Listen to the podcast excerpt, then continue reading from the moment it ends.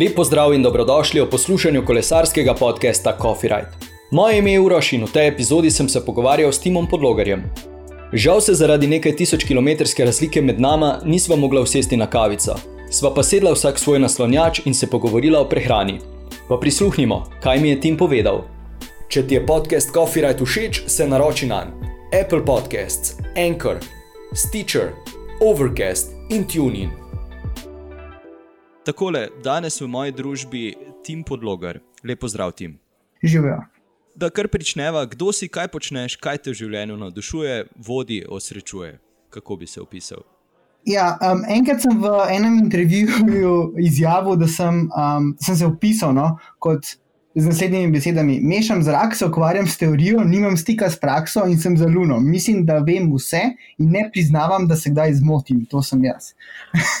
um, Sicer sem pa v prvi vrsti raziskovalec, potem posebej nutricionist, a mi na koncu še kolesar. V življenju me vodi vedoželjnost, usrečuje me, ko izvem kaj novega, pa ko s svojim znanjem nekomu lahko pomagam, pa ga s tem usrečim. Super, znanja mislim, da imaš ogromno. Preden nadaljujeva, kakšno kavo rad piješ, kakšno imaš rad? Kot nekdo, ki se ukvarja s prehrano, gledam predvsem na vsebino, na količino kofeina v kavi. Pravi tisto, ki ga, ki ga ima največ. Torej, morda kakšen espreso ali kaj drugega. Tisto, kar je pri roki. tisto, kar je pri roki. Okay. Danes bo najna glavna tema prehrana. Pa mi povej, uh, delaš na univerzi, kakšne teste pri vas se upravljate v vašem laboratoriju?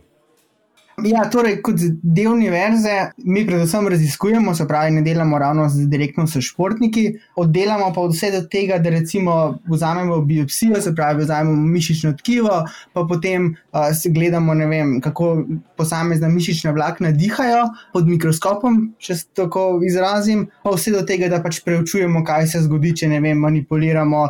Um, naredimo manipulacijo z različnimi tipi ugljikovih hidratov med vadbo. Uh, se pravi, od molekularne fiziologije, pa potem vse do uh, nekega čisto um, običajnih stvari. Z Simonom Cirnskim smo to že se morda malenko zataknili te teme, pa vseeno, kako dobro moraš spoznati športnika oziroma tistega, kateremu uh, predpisuješ prehrano, da mu jo predpišeš pravilno, da veš, kako se bo na njo odzval. Se pravi, jaz, ko delam s športniki, prva stvar je, da ne smeš delati um, velikanskih sprememb. Noben človek ne želi iz danes na jutri narediti nekih velikih sprememb, to ponovadi ne vodi v uspeh. Tako da tudi tiste diete, ki se jih ljudje lotevajo, delujejo kar še en mesec ali dva, pa potem propadajo vedno je potrebno narediti majhne spremembe, se pravi, vedno treba spoznati športnika, kaj, kakšen je njegov življenjski slog, kako se trenutno prehranjuje, potem pa znotraj tega narediti modifikacije in izboljšati prehrano. Čist nek um, primer, nekdo, ki nikoli ne dela. V treningov na težče, pač takšnih treningov, vsaj na začetku, ne moreš dati, lahko pa potem s prehrano med samim treningom zmodificiraš tako, da vseeno dobiš podobne adaptacije. Torej, če prav razumem, gre to za nekakšno prehransko peri periodizacijo. Tako je. Prehransko periodizacijo smo že videli pri tvojem projektu Stelvijo. Kako se je tam tole obneslo, oziroma kako si tam zastavil to, eh, ta cilj? Ja, se pravi, periodizacijo, po mojem prepričanju, pač prvo vprašanje, ki se ga treba postaviti pri športniku, je, ali športnik želi izgubiti a, telesno maso ali ne.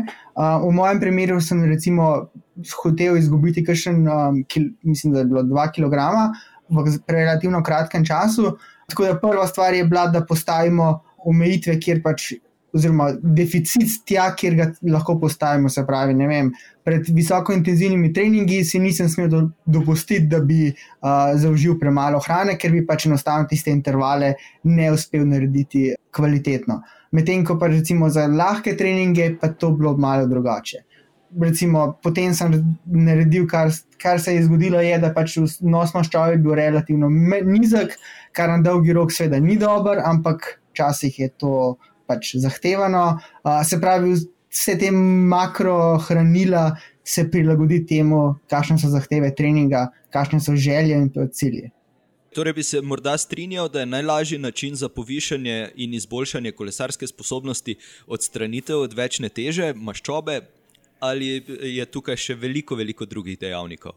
Jaz mislim, da je veliko drugih dejavnikov. Namreč, ko enkrat prideš do tega, da si relativno suh ali pa si suh, mi je lahko izguba dodatne maščobe pravzaprav um, negativno vpliv na športnika, na zdravje športnika. Vsi vemo pač, da uh, zelo nizki odstotki maščob pač niso, niso zdravi uh, in vodijo v številne probleme. Lahko. Prej si omenjal treniranje na tešče, da ga ne bi priporočal nekomu, ki recimo prične. Kaj pa je v osnovi tvoje mnenje o treningu na tešče? Bi ga priporočal, oziroma v kakšni meri se ga priporoča, za, za, za kakšne cilje? Navadno se v treningu na tešče govori predvsem iz vidika izgube telesne maščobe. Češ, da med treningom na tešče porabljaš več, več maščobe, kar seveda bi po neki logiki sledilo v zmanjšanje telesne, uh, telesne mase ali pa maščobe. Dolgoročne raziskave tega ponovadi ne kažejo, uh, se pravi, kaj se zgodi, je, da pač ja, med vadbo porabiš več maščobe, ampak potem v dnevu. Kasneje, tisti dan, mogoče še, ampak na dolgi rok se to nikoli ne odrazi v tem, da izgubiš več telesne mase. Tudi z vidika samih adaptacij, za moje pojme, ni uh, to neka um, super, efektivna, super efektiven način treninga, ker če pomislimo, mišični glikogen, se pravi zaloge oglikovih hidratov v mišicah, so pravzaprav enake, medtem ko je jedrni glikogen tisti, ki se spremenja. In jedrni glikogen. Oziroma, jedrne zaloge oglikovih hidratov nimajo takšnega vpliva kot uh, samo zaloge v mišicah prebiral sem nekaj eh, tvojih člankov, prebiral sem po internetu, pa je bilo nekajkrat to omenjeno. Torej, ali se spremeni tudi srčni utrip pri spremembi prehrane in če ja, v, v kakšni smeri? Teorije, recimo, športniki, ki so na nizkooglikovih hidratni dieti, imajo ponovadi nekoliko višji srčni utrip. Po vsej verjetnosti zaradi tega, ker je porabljanje maščob precej bolj, uh, oziroma manj učinkovito, se pravi, je potrebnega več kisika, in s tem, ker je pač potrebnega več kisika, je tudi srčni utrip potem višji. Omenil si že merjenje glikogena v mišicah.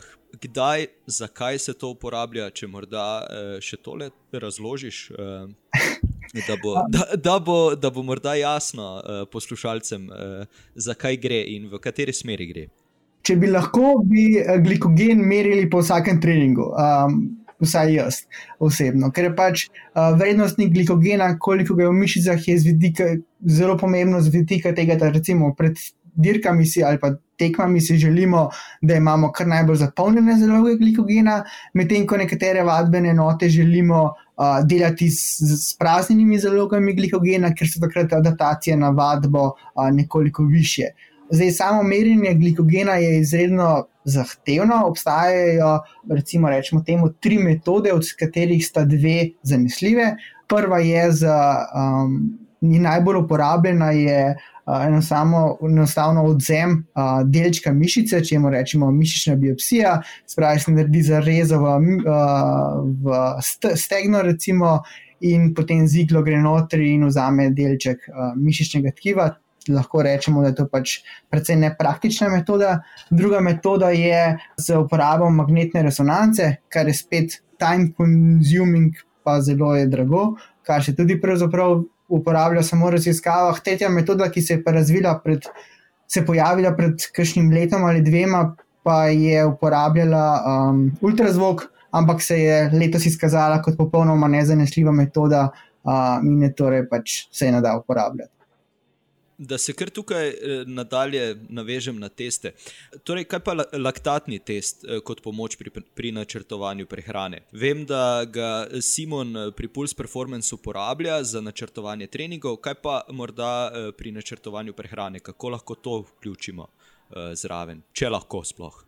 Pravzaprav gre pač samo um, direktno, ne, se pravi, pomaga pri načrtovanju treninga. In potem, ko imaš enkrat trening načrtovan, pravilno, korektno, uh, potem na podlagi tega postaviš prehrano. Ampak da bi recimo samo prehrano spominjal, glede na laktatni prak, pravzaprav ne. Edino mogoče, če vidiš, da imaš športnik, ne vem relativno um, visoke koncentracije laktata lahko doseže, to pomeni, da ima um, metabolizem ugljikovih hidratov zelo dober. Mogoče bi ta športnik lahko delal bolj na tem, da zmanjša porabo ugljikovih hidratov, ko to ni potrebno, se pravi, trening na tešče. Na drugi strani pa recimo športniki, ki uh, ne dosegajo velikih, visokih laktatnih vrednosti, bi mogoče lahko trenirali več z ugljikovimi hidrati med treningom, da bi pač povečali ja, izboljšali metabolizem um, ugljikovih hidratov. Vem, da bom malo eh, dregnil uh, v, v osje gnezdo. Kakšno je tvoje mnenje o VO2max testih oziroma rezultatih uh, teh testov? Vem, da, uh, vem, da s uh, Simonom sva se pogovarjala, no, pa mi je omenil, da, da neke ravno zanesljivosti sto uh, procentne ni. ja.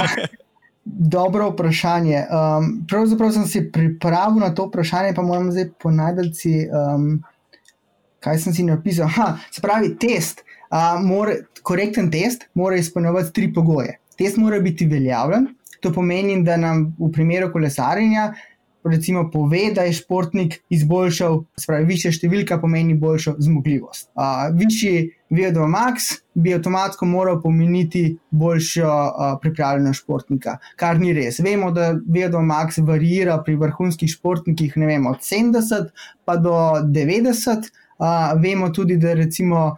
Športnik, ki so mu izmerili najvišji VO2 max doslej, je s kariero končal pri, mislim, 21 letih, ker enostavno ni dosegal rezultatov ki si jih je želel in je pač obupal. Torej, test za moje pojme ni veljaven, ali je test zanesljiv, je drugi kriterij. Se pravi, da je variacija od dneva do dneva zelo majhna, se pravi, da lahko sploh kaj merimo. Test ni zanesljiv, se spremenja od dneva do dneva. To smo Simono ugotovili, ko smo delali teste pri meni, ko se je recimo v treh dneh vrednost spremenila za 5 ml na kilogram telesne mase, enostavno zato, ker sem bil enkrat malo bolj utrujen kot drugič. Spravi, ne mogoče je test izvesti v optimalnih pogojih, oziroma skoraj da ne mogoče. In pa zadnja stvar, test mora biti občutljiv, se pravi, mora biti sposoben zaznavati majhne spremembe, ki so recimo v tem primeru posledica treningov.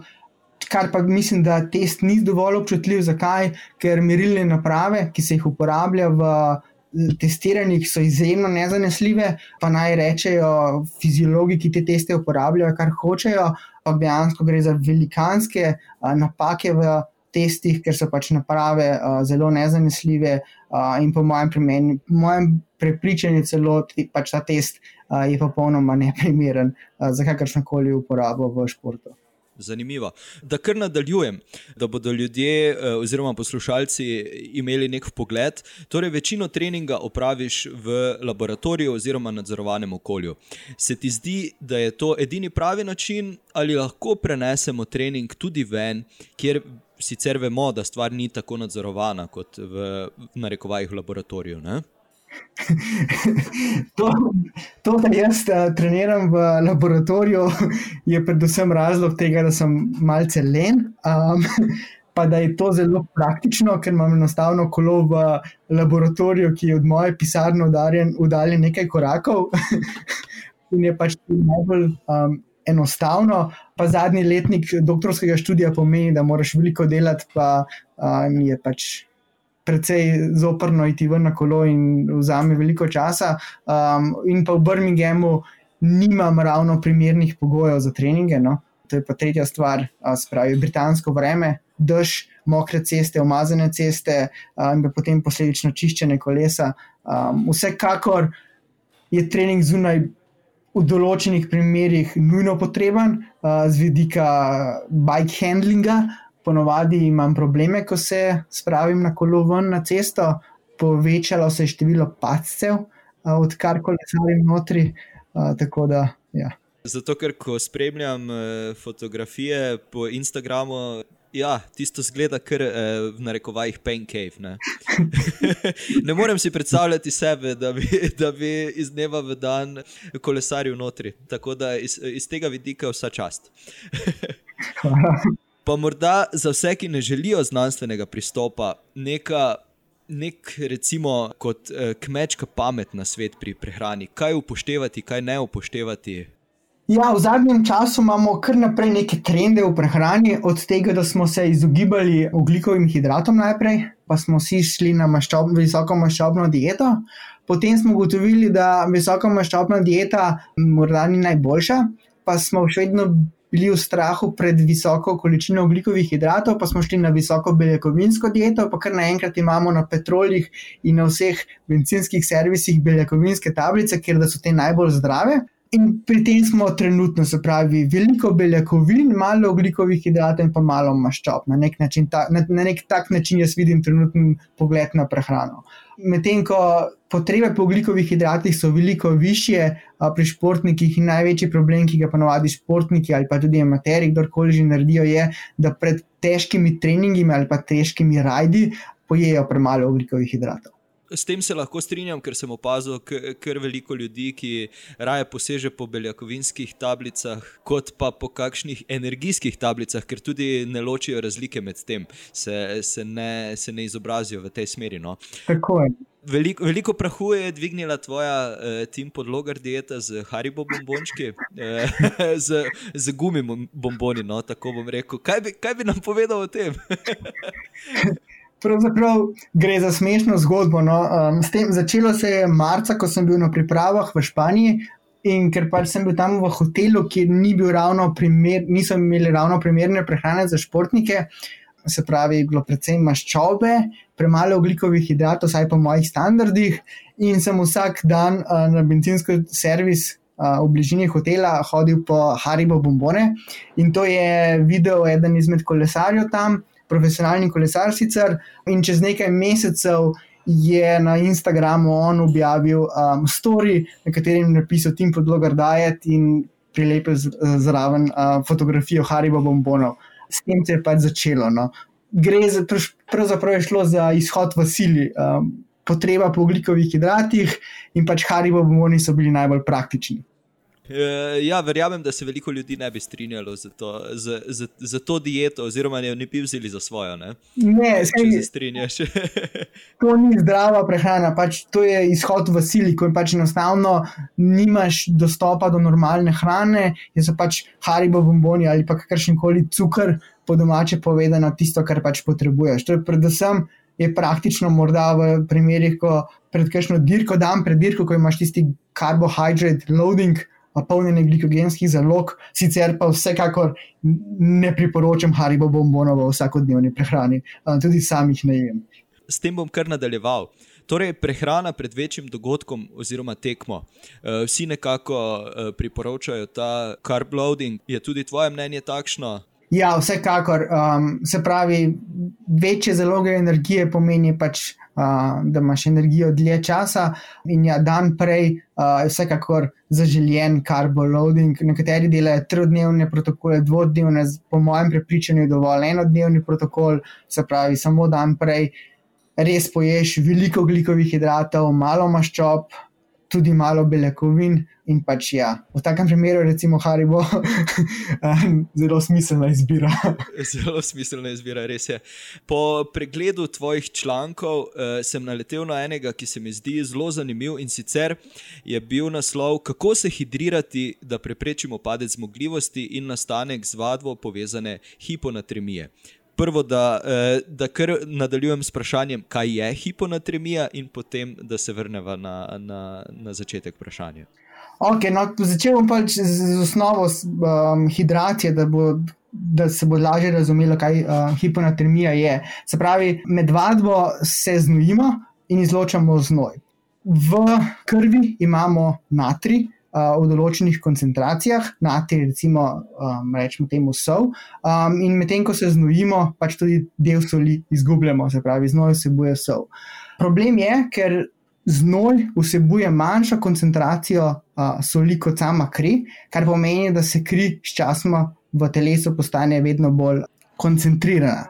Če zdaj človek pije vodo, se zna zgoditi, da se kri začne rečiti. Koncentracija natrija v krvi začne padati.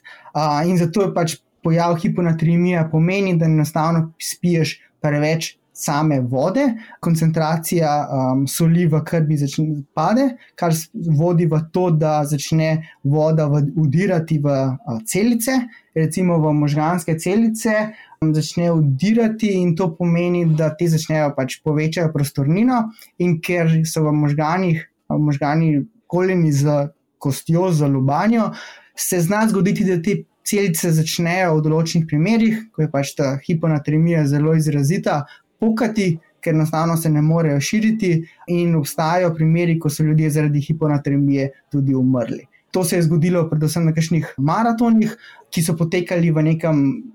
Rečemo temu hladnem okolju. Športnik je tekel relativno nizke intenzivnosti, se pravi, se je znojil skoraj da nezaznavno, izgubil mehke količine znoja, potem pa pil ogromne količine tekočin, in to je na dolgi rok povzročilo, pač, da je uh, spil preveč, in te celice so se začele nabrekati in uh, po, začele pokati, in sledila je smrt. Uh. Zanimivo. Predvsem komplicirano, ja. No, um, recimo, da, da nadaljujemo, koliko bi to preko palca pomenilo, preveč spite tekočine, da, da ne prestrašiva preveč poslušalcev. Pač zdaj, da se tega izognemo, najbolj za moje pojme, še vedno na svet, pitje po občutku že je, da je najbolj primerno. Raziskave so predvsej jasne, da takšno, takšen način pitja ne vodi v zmanjšanje zmogljivosti. Uh, in ponovadi, če pogledamo, kako vrhunski športniki pijejo, ponovadi pridejo v cilj, ne vem, 2, 3, 4 odstotke lažje, v nobenem primeru pa ne smemo dopustiti, da športnik pride v cilj težji, kot je uh, na začetku štartov. Se pravi, ponovadi čisto za večino ljudi to pomeni nekje en bidon na uro, do mogoče dva bidona na uro uh, v res vročih okoljskih pogojih. Da se naveževa še na nežnejši spol. Prehrana pri ženskah v njihovih menstrualnih ciklih, razlike med prehrano uh, z moškimi, kaj je še tukaj? Vem, da se, vem, da se ravno kar s, s tem ukvarjaš. Ja, kolegica me je začela spraševati po tej temi, in ko sem pred nekaj leti, če bi me pred nekaj leti to vprašal, bi rekel, da razlik ni. Um, danes vem, da so in to velikanske. Uh, menstrualni cikl se. Dva hormona, se, koncentracija dveh hormonov se spremenja, estrogena in progesterona, vsak ima po svoje vpliva na metabolizem in pa delovanje telesa. Recimo v visokohormonski fazi je temperatura telesa višja, poraba maščob je višja, ponovadi imajo višjo telesno temperaturo ženska v tistem času, in to pač vse potem vodi v to, da je pač treba prilagoditi tako trening, kot tudi prehrano, kdaj se izvajo, v katerem fazi se izvajo visokointenzivni treningi, kdaj se izvajajo nizkointenzivni treningi, in stvari so zelo komplicirane. Poleg tega pa imajo ženske. Um, se vsaka ženska, se eh, cikli vsake ženske razlikujejo, tako po dolžini, kot po nihanju hormonov, in je pravzaprav treba za čisto vsako posebej uh, narediti poseben načrt, pa vedeti, kako se odziva. Evo, to so recimo neke teme, ki sem si jih jaz zastavil. Upam, da se še kdaj slišiva na to temo, da še morda razdelava kakšna, kakšna vprašanja, ki se bodo pojavila strani poslušalcev. Pa greva na tisto, kar vprašam vsakega. Torej, kaj je bil tvoj ultimativni coffee ride, trasa, ki bi jo še enkrat z veseljem odvozil, ker te je tako navdušila, oziroma ti je ostala v spominu, da bi jo predlagal še ostalim? Šele odkar uh, delam s Simonom, imam na sporedu tudi lahke vožnje. Uh, tako da ponovadi izgleda tako, da jaz um, vedno sem vozil na polno in pravzaprav okolice nisem nikdar gledal. Je pa ultimativni rajd, po mojem, uh, trasa maratone, uh, se pravi v Dolomitih. To sem, mislim, da štirikrat odvozil vsako poletje, letos prvič, da tega nisem naredil, ker enostavno ni bilo časa, ampak se mi zdi, da je to naj, moja najljubša, um, naj, najljubši raj. Še morda kakšno povabilo poslušalcem in seveda moja zahvala tebi, da si si vzel čas, da smo tole posnela. Ja, morda to, no, da um, precej uh, znanja sem delil na spletni strani kineziolog.si, kjer je objavljenih več kot 200 člankov z področja športnih znanosti. In verjamem, da precej odgovorov na vprašanja poslušalcev se nahajajo nekje na spletni strani. Super. Spletna stran bo absolutno tudi objavljena spodaj v pripisu eh, tega podcasta. Tako da, ja, Tim, še enkrat najlepša hvala in upam, da se zdaj, seveda, v živo tudi srečava. hvala tebi. Ja. Hvala. Timu, še enkrat hvala, da si je vzel čas za pogovor. Mi pa se ponovno slišimo prihodnji petek. Copyright je na voljo na skoraj vseh podcast platformah: Apple Podcasts, Anchor, Stitcher, Overcast in Tuning. Trikrat vojni ve.coffeeright.com.